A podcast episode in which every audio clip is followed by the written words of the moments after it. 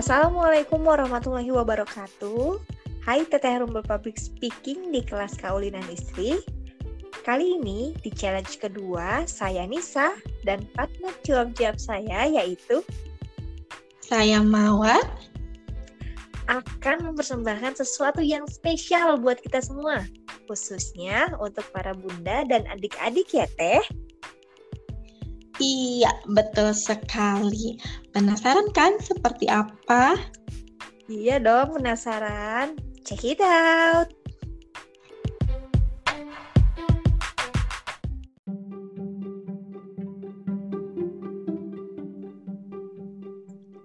Assalamualaikum warahmatullahi wabarakatuh. Selamat pagi adik-adik. Apa kabarnya hari ini? Semoga adik-adik semua dalam keadaan sehat ya. Nah, sebelumnya kita kenalan dulu. Karena selama satu jam ke depan adik oleh kakak. Kan nama kakak Ernisa Supiah. Adik-adik bisa panggil kakak Kanisa. Nah, adik-adik, kali ini kita kedatangan tamu istimewa Siapa dia? Ada yang tahu adik-adik? Hmm, kita langsung saja sambut ya.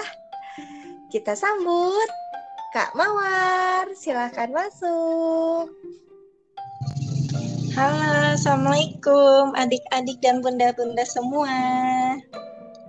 Waalaikumsalam. Adik-adik, ini loh tamu spesial kita yaitu Kak Mawar, yang akan menceritakan suatu cerita dongeng. Nah, tapi sebelumnya, adik-adik sudah ada yang tahu belum ya dongeng apa yang akan disampaikan oleh Kak Mawar hari ini? Hmm, Kak, gimana kalau kita coba tunjuk satu orang yang berani yang mau menyebutkan dongeng apa yang akan disampaikan Kak Mawar?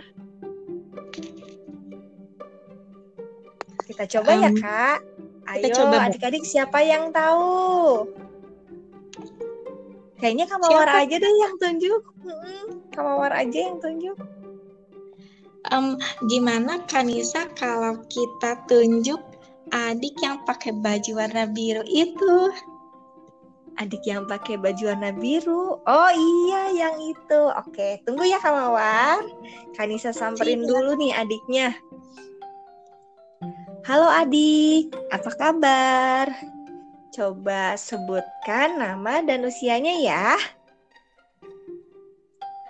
Wah, nih perkenalkan teman-teman semua, namanya Adi, umur 7 tahun. Nah, sekarang Dik Adi sudah tahu ya judul dongeng yang akan dibawakan oleh Kamawar. Coba sebutkan yang kenceng ya apa? Sekali lagi dong yang kenceng biar teman-teman semua tahu dongeng apa yang akan disampaikan Kak Mawar. Tikus dan singa. Wah, coba kita tanya langsung nih ke Kak Mawar. Kak Mawar, gimana? Bener nggak? Bener nggak apa yang dijawab oleh Adi judul dongengnya itu tikus dan singa? Betul sekali Kanisa. Kak Mawar akan mendongeng tentang tikus dan singa. Wah, luar biasa ya Kamawar, Kamawar usia 7 tahun sudah berani uh, untuk menjawab pertanyaan dari Kamawar. Kita kasih tepuk tangan dong. Yeay. Nah, adik-adik udah nggak sabar ya dengar cerita dari Kamawar. Kamawar kita langsung saja ya. Nah, waktu iya. tepat. Kami persilahkan untuk Kamawar mendongeng kepada adik-adik semua. Dipersilahkan. Nah, terima kasih Tanisa. Ya, untuk sekarang Kak Mawar akan bercerita tentang tikus dan singa. Gimana nih adik-adik? Mana semangatnya? Kita kalau dipanggil adik-adik, semangat gitu ya. Oke, siap? Adik-adik, Iya, bagus sekali, semangat sekali ya hari ini. Oke nih, kita bercerita tentang tikus dan singa. Suatu hari, ada seekor tikus yang menjahili singa dikala sedang menikmati tidur siangnya. Sontak membuat singa tersebut marah dan ingin memakan sang tikus karena singa tersebut merasa terganggu. Hmm, siapa yang mengganggu tidurku? Lalu tikus tersebut sambil meringis ketakutan. Aku mohon maaf karena aku tidak sengaja telah membangunkanmu, singa. Karena merasa kasihan, singa melepaskan tikus yang telah mengganggunya. Tikus dengan senang hati dan berterima kasih berjanji untuk membalas semua kebaikan singa padanya karena singa tersebut tidak tidak jadi memakan tikus tersebut. Lalu pada suatu hari tikus mendengar suara singa yang mengauk keras. Hom, hom, hom. Sang singa ternyata terperangkap di sebuah jaring yang sengaja dipasang oleh pemburu, sehingga singa tersebut memohon bantuan tikus untuk melepaskan jaringan tersebut. Dengan sigap, tikus membantu singa keluar dari jaring tersebut dengan menggerogoti jaring sampai terputus. Akhirnya, Keduanya pun segera kabur dan menyelamatkan diri dari pemburu yang telah menjaring singa. Setelah itu, singa dan tikus tersebut menjalin persahabatan karena dari saling tolong menolong yang tadi.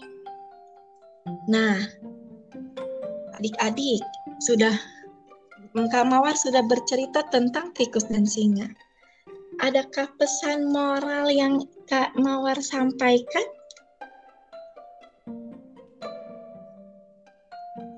Gimana? Gimana kan Nisa? Siapa kita ada yang angkat tangan tuh? Wah, luar biasa ya ceritanya. Nah, adik-adik, sekarang Kak Mawar udah nanya nih pesan moral apa yang ada di cerita tadi. Kira-kira apa ya? Udah ada yang angkat tangan ya, Kak? Itu sudah ada, Ada yang pakai baju warna pink. Wah, luar biasa. Kita samperin aja ya, Kak. Kanisa samperin aja. Hai adik, siapa namanya? Oh, namanya Risa ya. Pak Risa tahu nggak apa kira-kira pesan moral yang didapat dari cerita yang disampaikan oleh Kamawar tadi? Kak, gimana nih masih diem? Atau mau disampaikan oleh Kak Mawar dulu? Boleh, Kanisa. Mungkin langsung sama Kang Mawar saja ya. Jadi okay. cerita tadi tentang singa dan tikus yang dapat menjadi inspirasi bagi kita untuk selalu berbuat kebaikan dan mengingat semua kebaikan yang kita terima. Seperti itu Kanisa. Wah, luar biasa ya adik-adik. Jangan lupa untuk selalu berbuat baik ya Kak ya. Ya, betul. Karena kalau Ya, karena kalau kita berbuat baik, kebaikan akan datang kembali kepada kita. Seperti itu ya, Kak? Ya, betul, Kanisa. Adik-adik, gimana? Seru nggak cerita dari Kak Mawar tentang tikus dan singa? Wah, aduh gimana nih Kak? Kayaknya adik-adik nggak puas sih sama satu cerita. tenang ya adik-adik, tenang. Nah, sekarang gantian bunda-bundanya yang akan dapat informasi atau ilmu-ilmu tentang mendongeng dari Kamawar. Jadi nanti di rumah adik-adik bisa diberikan cerita dongeng oleh bunda-bundanya. Oke? Betul, nah, Iya. Kita kasih tepuk tangan dulu dong adik-adik buat Kak Mawar. Yeay, terima kasih ya Kak Mawar sudah membawakan dongeng untuk adik-adik kita. Sama-sama Kanisa.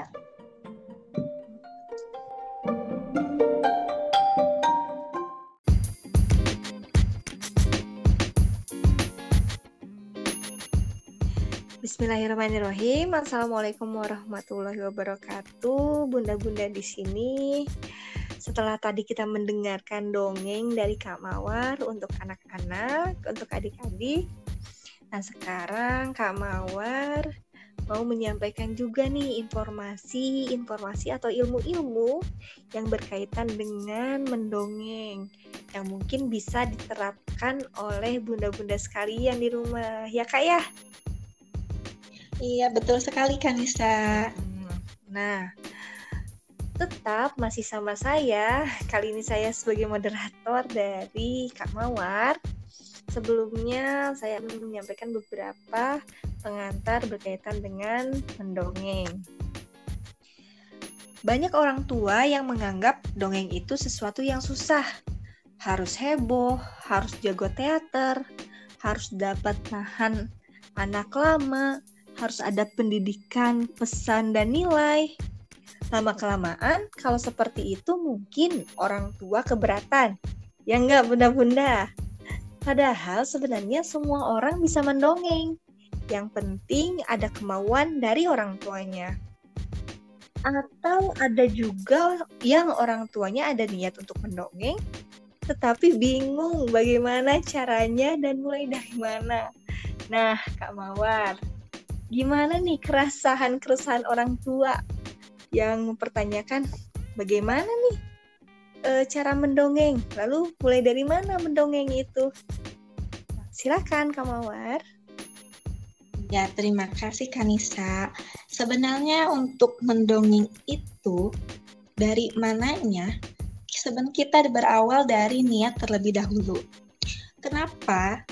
Karena dari niat mendorong kita untuk selalu berkreativitas, mencari topik tentang apa lagi dan apa lagi yang akan kita berikan kepada anak dalam mendongeng. Jadi memang niat yang diperlukan sebenarnya ya teh ya. Iya. Jadi betul. nanti insya Allah kalau misalnya dari niat akan selalu ada jalan. Seperti itu teh. Ya. Nah untuk bagaimana mungkin ada ya saya orang sebagai orang tua ada niat nih untuk mendongeng tapi bingung nih bagaimana cara untuk mendongeng seperti itu. Cara yang mudah yang pertama itu adalah dengan read aloud teh. Hmm, read aloud ya. Apa nih teh read aloud? Mungkin para bunda-bunda masih penasaran atau ada yang belum tahu atau bahkan uh, udah ada yang pernah tapi belum tahu fungsinya apa. Coba Kamawar, apa ya read aloud itu? Ya, read aloud itu sebenarnya membacakan nyaring dengan membaca dari buku. Sebenarnya jadi mendongeng itu membacakan dari buku pun tidak apa-apa.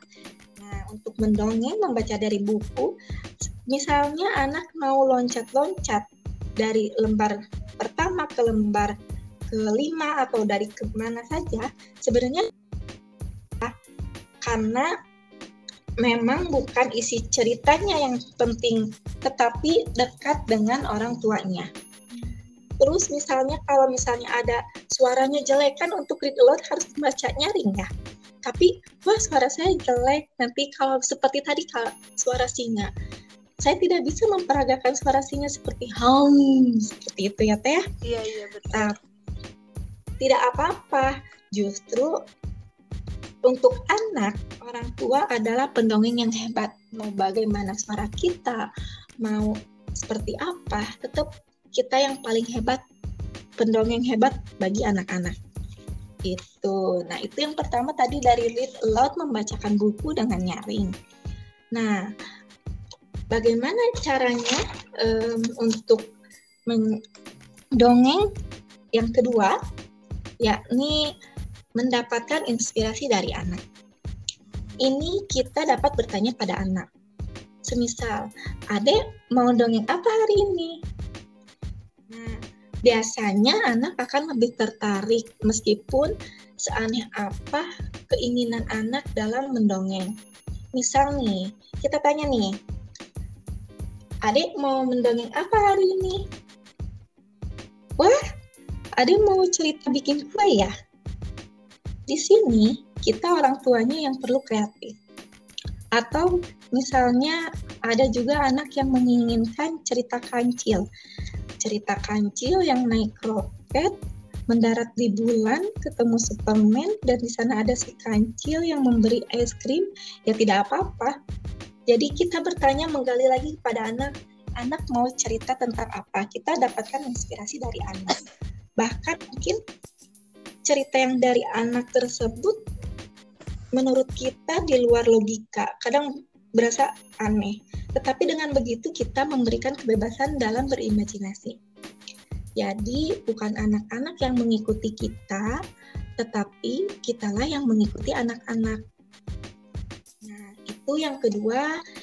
Lalu selanjutnya untuk bagaimana bercerita, mendongeng kepada anak, yang selanjutnya ini adalah membuat cerita sendiri. Opsi ketiga ini memang yang paling sulit karena di sini kita membuat cerita sendiri yang memang orang tuanya perlu kemampuan, perlu pengenalan, perlu pengetahuan mengenai tumbuh kembang anak sehingga cerita yang diberikan masuk dalam alam pikiran mereka saat kita bercerita sehingga kita dapat menyambung dengan uh, alam pikirannya seperti itu Kanisa. Wah, luar biasa nih ya, Bunda-bunda. Jadi, tadi sudah sangat jelas dipaparkan oleh Kamawar bagaimana nih cara mendongeng. Tadi udah disebutkan di poin pertama ada read aloud, membaca nyaring, kemudian ada mendapatkan inspirasi dari anak, kita dapat mendongeng berdasarkan inspirasi dari anak, kemudian yang terakhir ada membuat cerita sendiri. Tuh, ternyata banyak banget cara-cara kita untuk mendongeng ya ternyata Kak Mawar. Iya, betul sekali Kanisa. Hmm, nah, Bunda tunggu apa lagi? Jangan menyia-nyiakan waktu untuk tidak mendongeng pada anak-anak. Karena ternyata ketika sudah bercerita, justru inspirasi bisa datang dari anak ya, Kak ya? Ya, betul. Dan kita bisa menggali lagi, menggali lagi. Bahkan di luar pikiran kita, loh kok jadi bisa ya? karena dari inspirasi tersebut kita akan tersimulasi seperti itu kan bisa iya nah nih kak kebanyakan nih misalnya bunda-bunda ini sebenarnya udah mendongengkan cerita nih buat anak-anaknya di rumah buat adik-adik semua tapi bunda-bundanya nih masih bingung saya bercerita atau menceritakan dongeng untuk anak saya sebenarnya untuk apa ya? Apa ya manfaat berdongeng itu? Nah, kira-kira apa kak nih manfaat mendongeng untuk anak-anak? Iya, Kanisa. Sebenarnya kalau berbicara untuk manfaat mendongeng mungkin bagi sebagian besar orang tua sudah mengetahui dan kalau ditanya apa sih itu manfaat mendongeng, jawabannya pun pasti positif ya. Bisa kita lebih dekat dengan anak atau bisa disebut bonding mungkin ya. Ada juga yang untuk menambah imajinasi, mengembangkan imajinasi, menambah kreativitas ya. Itu jawabannya positif semua dari para ibunda mungkin ya. Tapi terlepas dari apa manfaat mendongeng sebelumnya kita, apakah kita sudah melakukan mendongeng dengan anak kita? Ayo bunda-bunda, sudah melakukan belum untuk mendongeng setiap hari dengan anak kita? Lah, lo senyum-senyum ya bunda. Saya juga jadi senyum-senyum sendiri nih kak. Nah, bisa kak bisa gimana nih? Sudahkah setiap hari melakukan mendongeng kepada anak Tenisa? Hmm, kalau saya sih mendongeng tapi uh, nggak setiap hari kak. Soalnya kadang-kadang anaknya hari ini pengen diceritakan, tapi besoknya misalnya cuma pengen main mainan aja. Jadi saya ikutin apa yang jadi keinginan anak.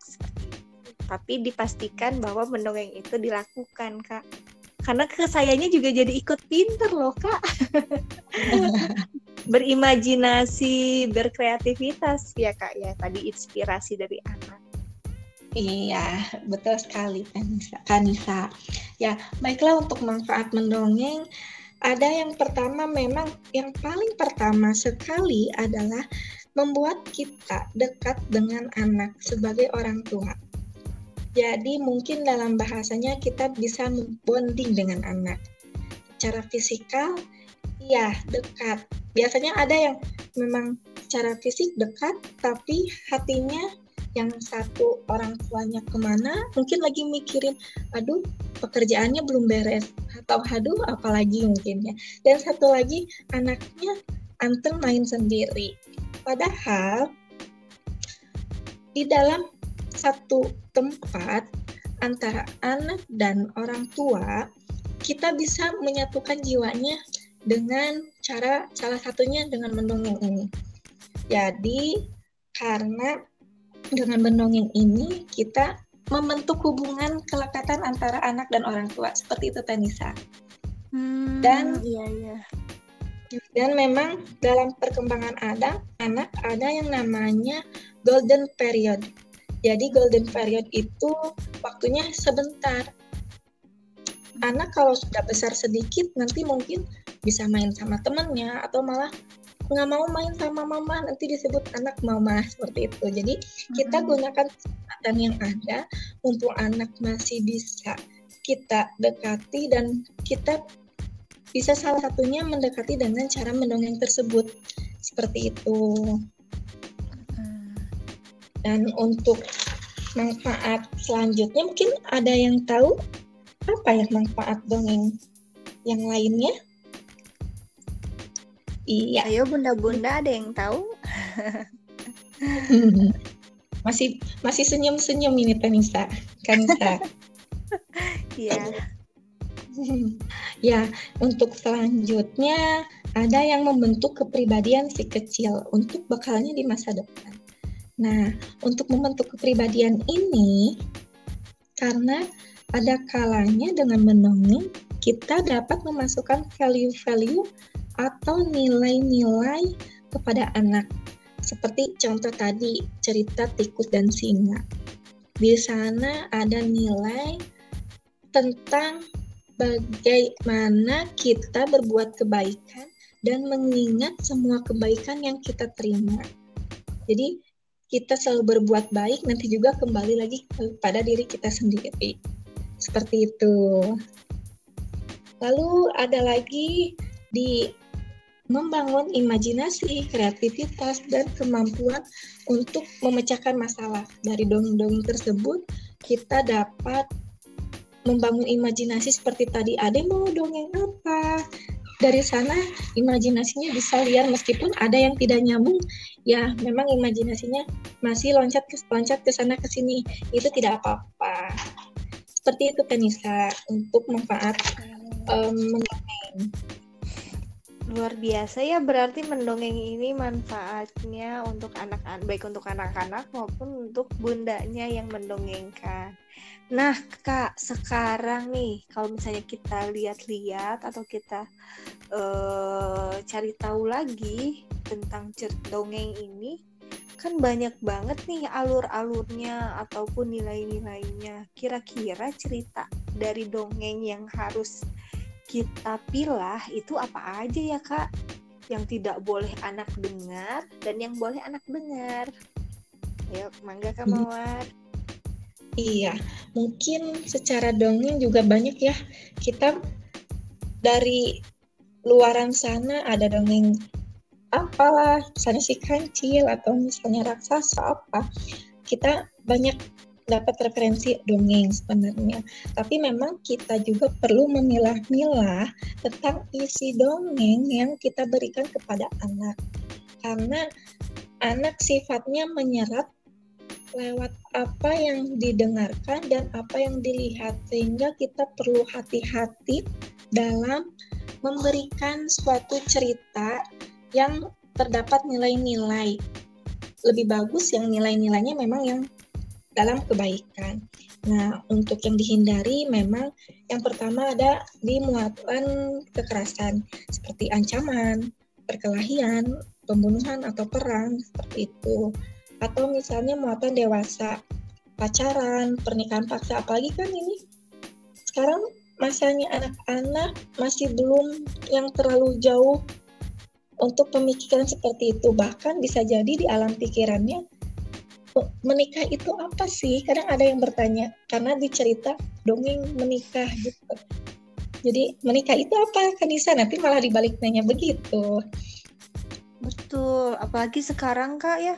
Kalau kita misalnya uh, di zaman digital, di zaman 4G ini kan anak-anak tuh udah bisa mengakses teknologi sendiri ya. Misalnya cerita basis IT cerita dongeng yang ada di internet misalnya. Kan itu butuh pantauan dari bunda-bunda sekalian ya. Apalagi kalau misalnya bunda lebih memilih nonton sinetron yang ada di Indosiar ya kak. Ya, itu dilema ya. sekali buat anak-anak ya kak ya. Iya, apalagi betul. zaman WFH ini bunda jenuh, bunda nonton dan anak-anak ikut menyaksikan pasti berdampak yang kurang baik ya kak buat anak. Jadi itu sesuatu yang harus dihindari. Iya betul sekali Kanisa. Jadi memang kita perlu memfilter apa saja konten-konten yang dapat diceritakan kepada anak. Seperti tadi nonton seperti di TV atau di gadget itu memang perlu kita pantau terus. Selain yang tadi juga ada muatan horor seperti misalnya ada cerita hantu, kanibalisme atau penyiksaan. Misalnya kita akan bercerita tentang um, sebelum anak tidur nih, pengantar tidur. Sebelum anak tidur kita bercerita, tapi kita bercerita tentang ada seekor raksasa yang menculik putri untuk dinikahi. Jadi kan malah bukannya cerita bagus ya ceritanya tapi rumit ya untuk si anak gitu. jadi mungkin kita harus bisa memilah-milih apa saja yang akan diberikan kepada anak lewat dongeng seperti itu kan bisa ya Oke, nah ini kita masuk ke pertanyaan terakhir nih, bunda-bunda. Nah kak, untuk cerita, untuk mendongeng, kira-kira alat bantunya apa aja nih, biar bisa biar bunda-bunda di rumah bisa melakukannya? Iya, sebenarnya alat bantu mendongeng itu sangat banyak sekali, apalagi apa saja yang ada di daerah kita. Misalnya ada boneka, bisa dari boneka tangan atau boneka biasa. Kita mungkin kalau lebih sering dalam mendongeng tiba-tiba ada boneka beruang, kita secara tanpa sadar ini ada beruang. Halo, namanya siapa? Seperti itu. Aku mau makan. Nah, sebenarnya tanpa kita sadar juga itu kan sudah mulai mendongeng gitu ya. Jadi bisa dari boneka. Yang kedua bisa dari gambar. Kita bisa membuat gambar apa pun misalnya dengan contoh gambar yang pakai ada gagangnya itu misalnya pakai tambah sedotan. Jadi kita bisa pegang-pegang seperti wayang. Dari sana kita bisa memakai gambar tersebut sebagai alat bantu untuk mendongeng lalu yang selanjutnya kita bisa mendongeng dengan kemampuan acting kita. Bisa dengan nada suara penekanan dan mimik wajah kita. Jadi dengan mimik wajah kita bisa jadi anak dapat menangkap ekspresi kita dan belajar bagaimana berekspresi, mengenal ekspresi atau um, kita. Lalu selanjutnya bisa dari musik, dari nyanyi lagu-lagu seperti itu, atau menggunakan properti yang ada di rumah. Misal nih, Kanisa, kalau lagi mau makan nih, suka gini nggak? Ayo, sekarang pesawatnya mau mendarat, nging, nging, nging, nging, nging, nging, nging, nging, nging ah ah ah langsung makan. Suka seperti itu nggak teh? Kak? Iya bener ternyata itu juga salah satu pintu untuk mendongeng ya kak ya? Iya betul. Karena secara tidak sadar seperti barusan dapat menjadi metode mendongeng dan bonusnya anak tidak merasa dipaksa makan. Jadi tidak ada alasan untuk uh, tanpa hari tanpa mendongeng seperti uh, tadi mungkin Tanisa anaknya pengen main atau pengen tidak mau diceritakan tapi sambil bermain pun kita dapat mendongeng dengan anak tanpa anak minta atau tanpa kita rencanakan. Seperti itu Tanisa. Hmm, wah benar-benar luar biasa ya.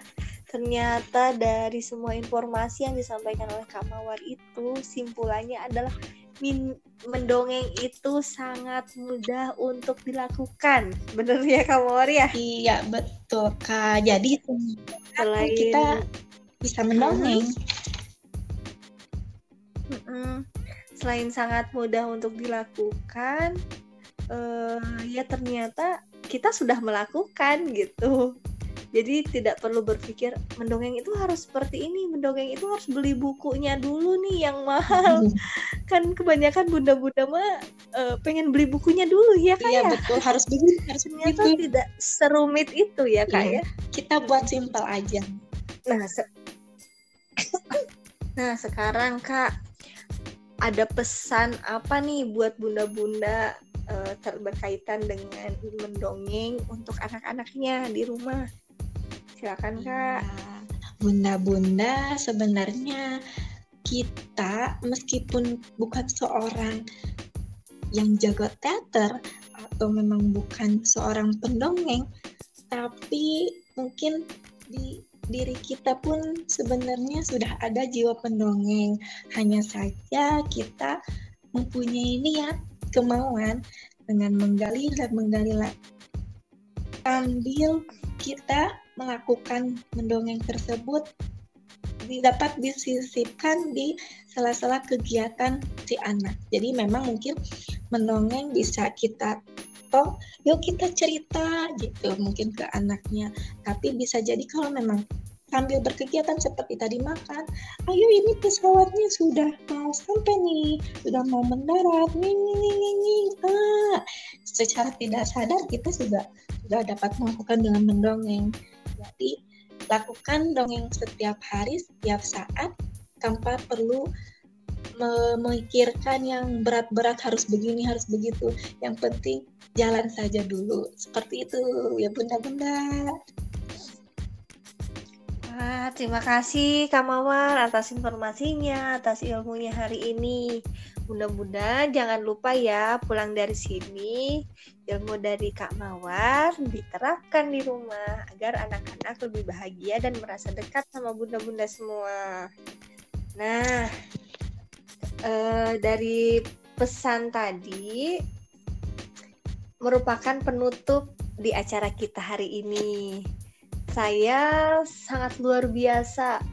Jujur saya juga sebagai MC di acara ini ternyata oh iya ya seperti itu oh iya ya seperti oh ternyata saya sudah seperti itu jadi semoga kita semua yang mendapatkan informasi dan ilmu dari Kak Mawar ini tercerahkan pulang dari sini ya Kak ya kami semua berterima kasih nih kepada Kak Mawar sudah senantiasa datang ke sini kemudian memberikan ilmu, pengalaman dan informasi yang berkaitan dengan mendongeng untuk kebutuhan perkembangan anak-anak kita ya bunda-bunda. Oke, Kak Mawar, kita tutup ya ke acara kita hari ini. Mungkin adik-adik sudah kita perbolehkan masuk ya untuk menutup bersama kegiatan kita hari ini. Boleh, silahkan adik-adik boleh masuk lagi bergabung sama bunda-bundanya. Nah, nah adik-adik, kita tutup ya acara kita hari ini. Kita ucapkan sampai jumpa ke Kak Mawar ya. Siap? Satu, dua, tiga. Sampai jumpa Kak Mawar. Sampai jumpa kembali. Terima kasih Kak Mawar. Iya, sama-sama Kak Nisa. Oke adik-adik semua, tibalah kita di penghujung acara. Kakak selaku MC mohon maaf apabila banyak kesalahan uh, adik-adik masih semangat dong hari ini. Semangat pagi, semangat pagi menjelang siang, waktunya makan siang. Adik-adik tetap semangat, jangan lupa tagih cerita dongeng dari bunda-bundanya ya. Bunda-bunda jangan lupa untuk menerapkan ilmu-ilmu dari Kak Mawar. Oke, saya pamit. Saya Kak Disa pamit dari acara hari ini. Mohon maaf apabila banyak kesalahan. Assalamualaikum warahmatullahi wabarakatuh. Dah, adik-adik dan bunda sekalian.